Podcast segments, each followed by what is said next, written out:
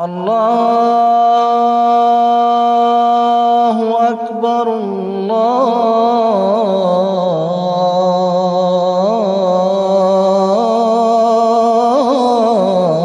الله أكبر الله Hej hej och varmt välkomna till dagens avsnitt av Islams röst. Jihad är ett ord som många förknippar med oerhörda grymheter och heligt krig. I dagens avsnitt av Islams röst så går vi igenom ordets betydelse och hur det tolkats genom tiden.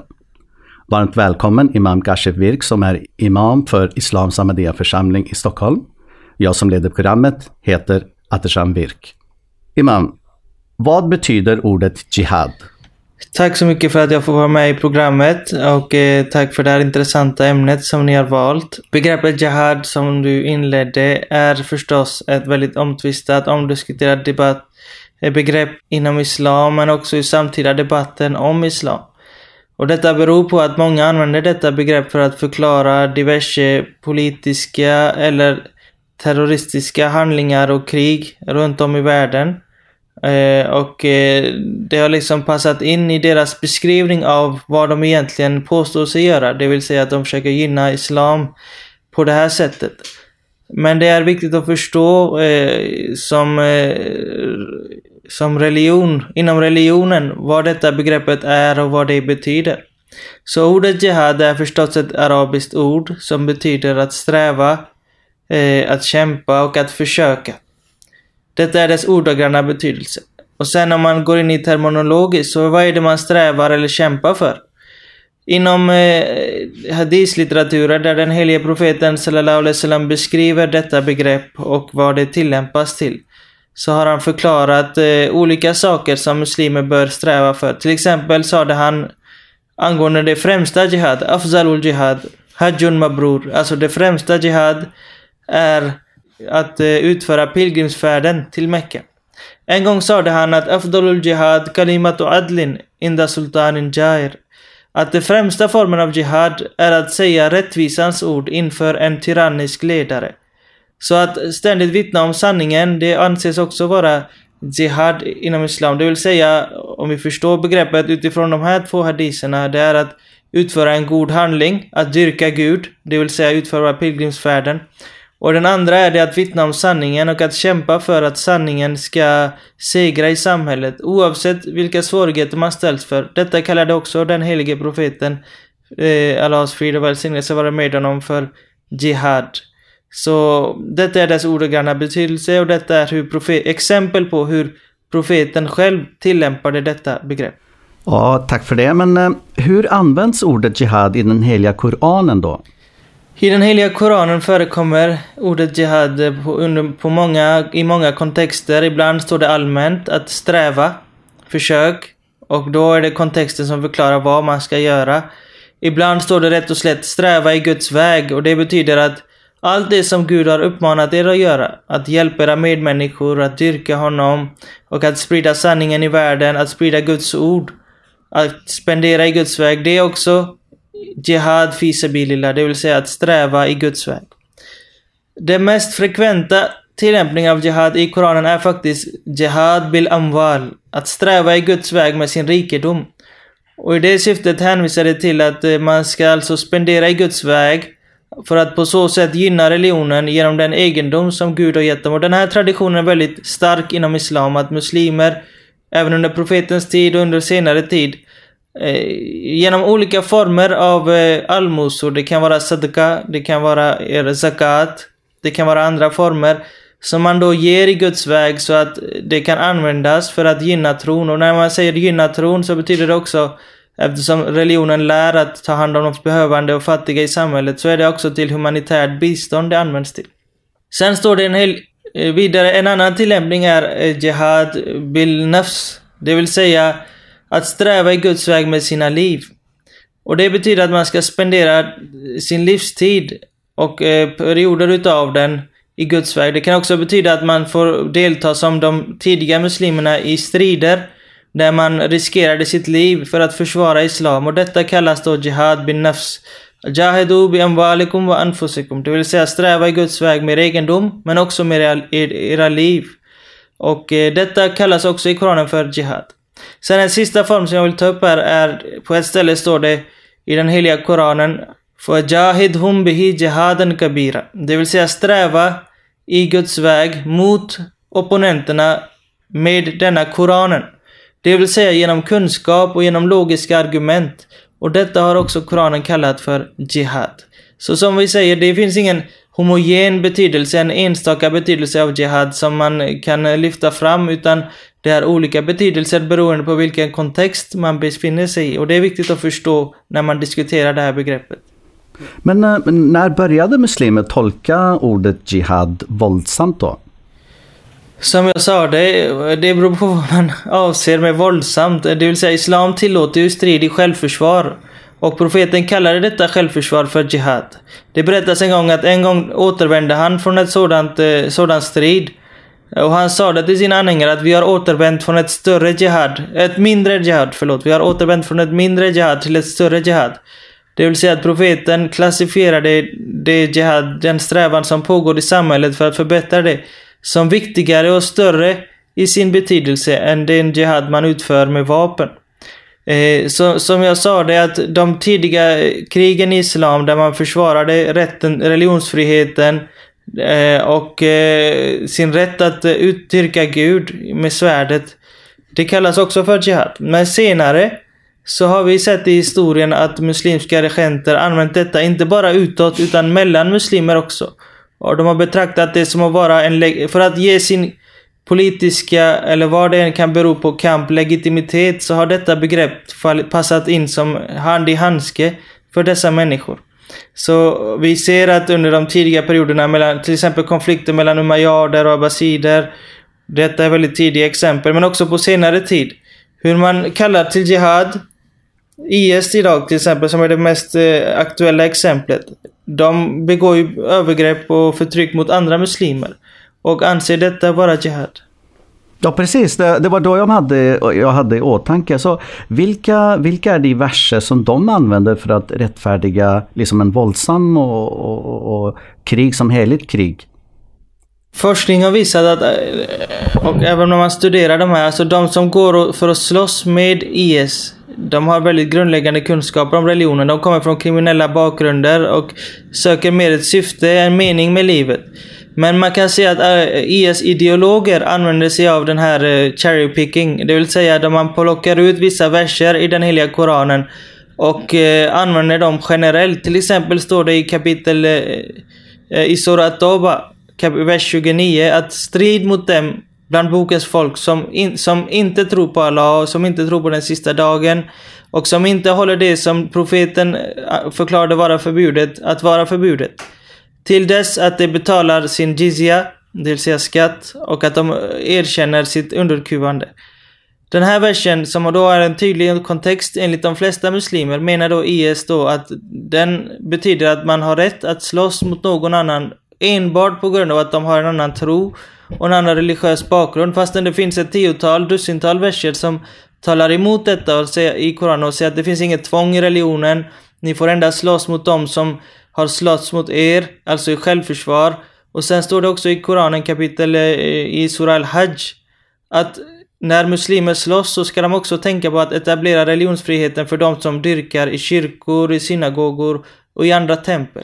Så det är som jag säger att de, om de kan finna någon enstaka vers så bortser de från dess versens omedelbara kontext där Gud förklarar versen eller från andra verser i Koranen som då eh, talar emot just deras tolkning av Koranen. Och vi Ahmadiyya-muslimer läser Koranen som en helhet och i ljuset av profeten Sunna och hur han tillämpade det. Finns det, om vi går tillbaks till Islams början då, till Muhammeds tid, finns det något slag som utkämpades under hans tid som kan liksom användas som belägg för att attackera oskyldiga?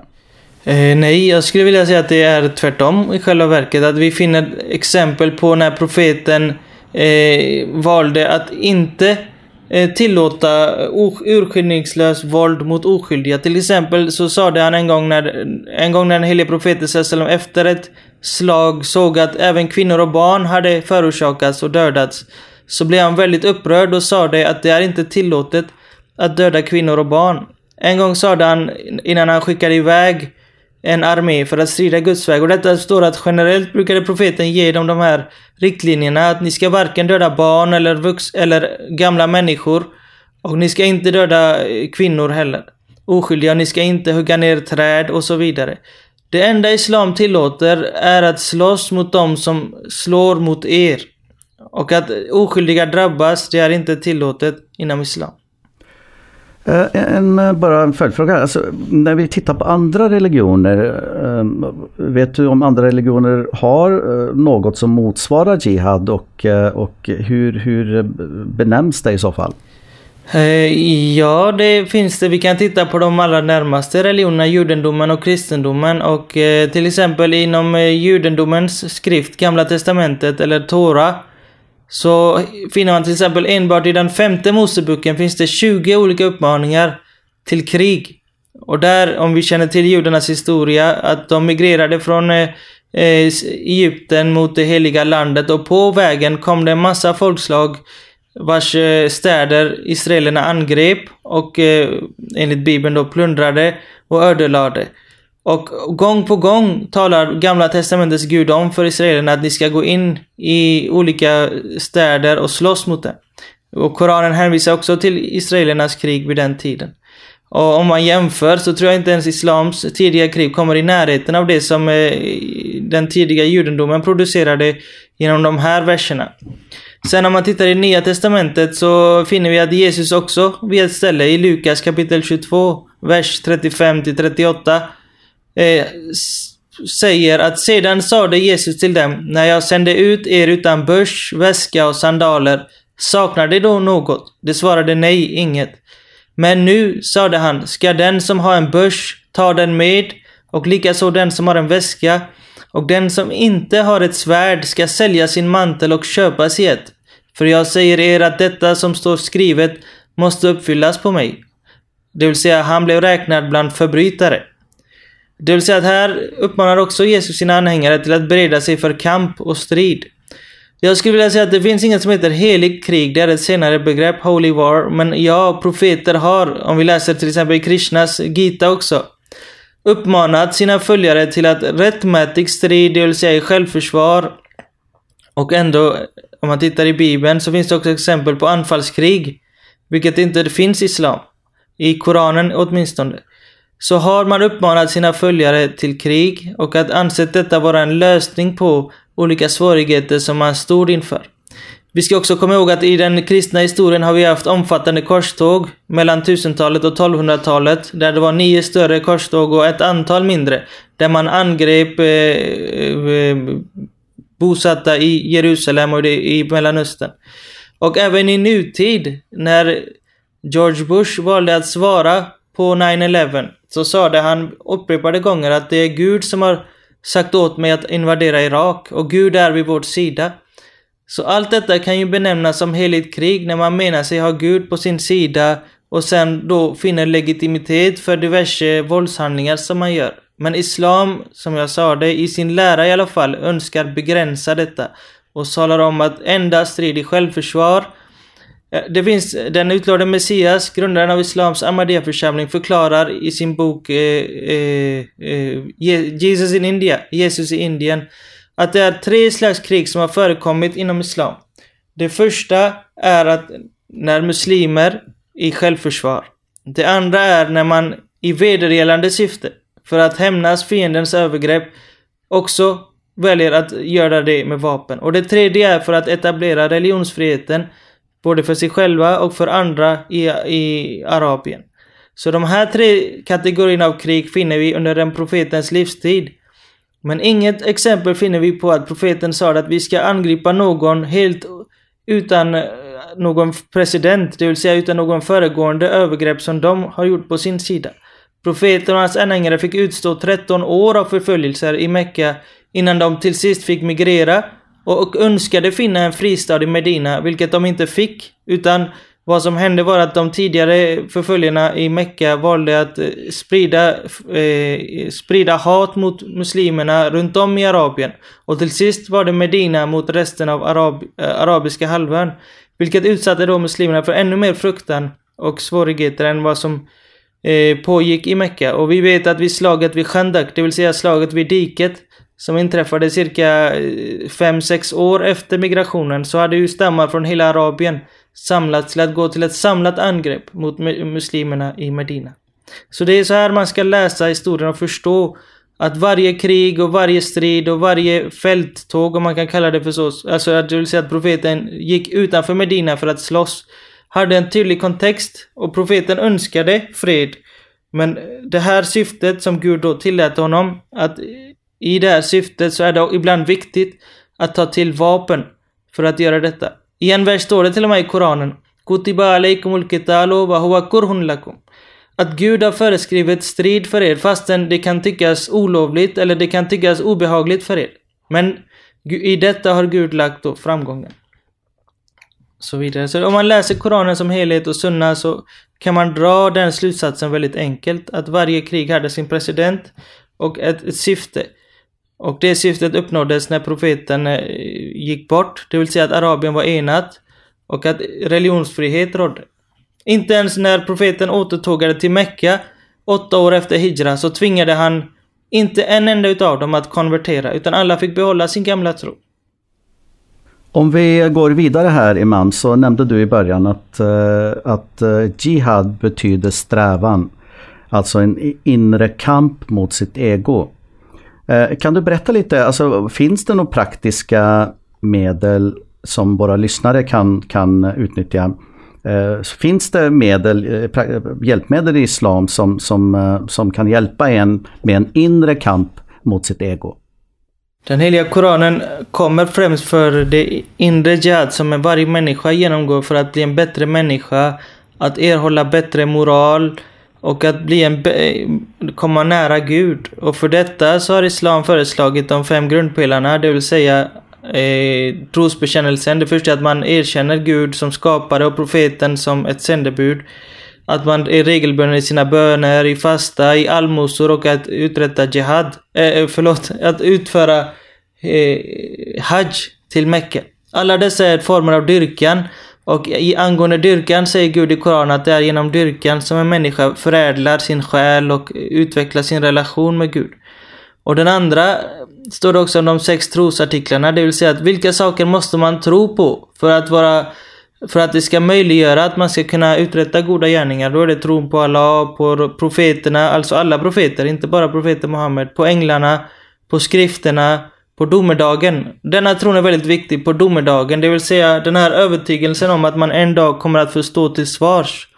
Den här övertygelsen leder också till att man får incitament för sin personliga reform.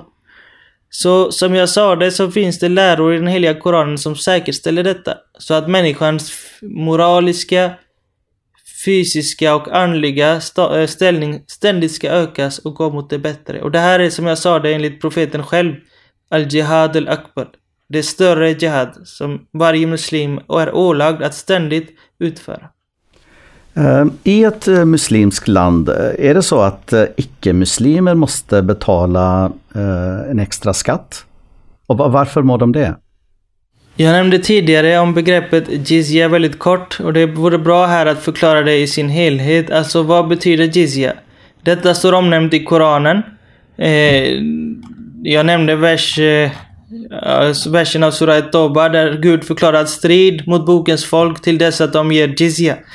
Och den här versen har också en tydlig kontext, det vill säga en period då muslimerna befann sig i konflikt med vissa kristna grupper. Alltså det här är ingen allmän krigsförklaring mot det judiska kristna folket. För det finns andra verser i Koranen som bestrider det och säger att ni ska ha goda relationer med de kristna. Och mycket riktigt så hade profeten, frid vare med de goda relationer både med judar och kristna. Som han både brukade besöka och, och delta vid deras begravningstillfällen och så vidare. Men det här åsyftar särskilt en, ett tillstånd av konflikt då eh, man önskade utplåna islam och få islam och den här nya religionen som uppfattades som ett hot att försvinna. Och eh, som vi känner till så utkämpade profeten många strider mot icke-muslimer som då eh, förföljde dem. Och Gud sa det här att ni ska inte behandla dem på samma sätt, utan ni ska se till så att den dagen ni segrar över dem, så ska de underkuva sig och de ska leva som eh, medborgare i ert rike. Och för att de ska kunna åtnjuta samma rättigheter som andra muslimer och för att de ska kunna skyddas mot yttre fiender. Det var ju muslimernas uppgift att skydda sina medborgare från yttre angripare också. Så betalas den här jizya. Och jizya betyder, eh, man kan översätta det som skyddsskatt. Det vill säga för att man skulle kunna få bedriva eh, jordbruk och att skyddas av den muslimska armén. Icke-muslimer förväntades inte ens delta i de här striderna. Så skulle man alltså betala den här jizya och det motsvarar det som muslimerna själva betalade, det vill säga zakat och olika former av allmosor som oftast uppgick till mer eh, i värde. Vi ska komma ihåg att i muslimska samhällen så förväntas muslimer göra större uppoffringar. Det vill säga de ska inte bara spendera i Guds väg utan de ska även försvara sin befolkning. En gång när den helige profeten, frid vara med, dem skickade ett fribrev till Sankta Katarina-klostret i Sinai så lovade han dem att till domedagen så är det muslimernas uppgift att skydda er och att inte lägga sig i era privata angelägenheter. Och för detta, som alla regenter, även idag betalar vi en viss skatt för att få vissa, eh, eh vissa åtnjuta vissa rättigheter som medborgare. Så är jizya endast detta. Jizya är ingen skatt som åläggs för att förnedra ett folk, utan det är för att skydda dem. Profetens sista uppmaning till sitt folk innan han dog var As-salatu wa ma malakat aymanukum. Att jag uppmanar er om två saker som ni särskilt ska tänka på. Det första är bönen. Det andra är att ni ska se till så att ni skyddar rättigheterna hos dem som är era underordnade och som är icke-muslimer i era samhällen. Och muslimerna, de tidigare muslimerna, särskilt kalifernas tid, såg till att detta eh, tillämpades på bästa sätt. Då säger jag tack till dig Imam Kashevik som eh, är verksam alltså som imam vid Islams Ahmadiyya-församling i Stockholm som idag har svarat på frågor om Jihad. Eh, Islams röst är en produktion av Islams Ahmadiyya församling och producent för dagens avsnitt var Sarmed Hannes Hübner och ljudtekniken sköttes av Fateh Shams. La ilaha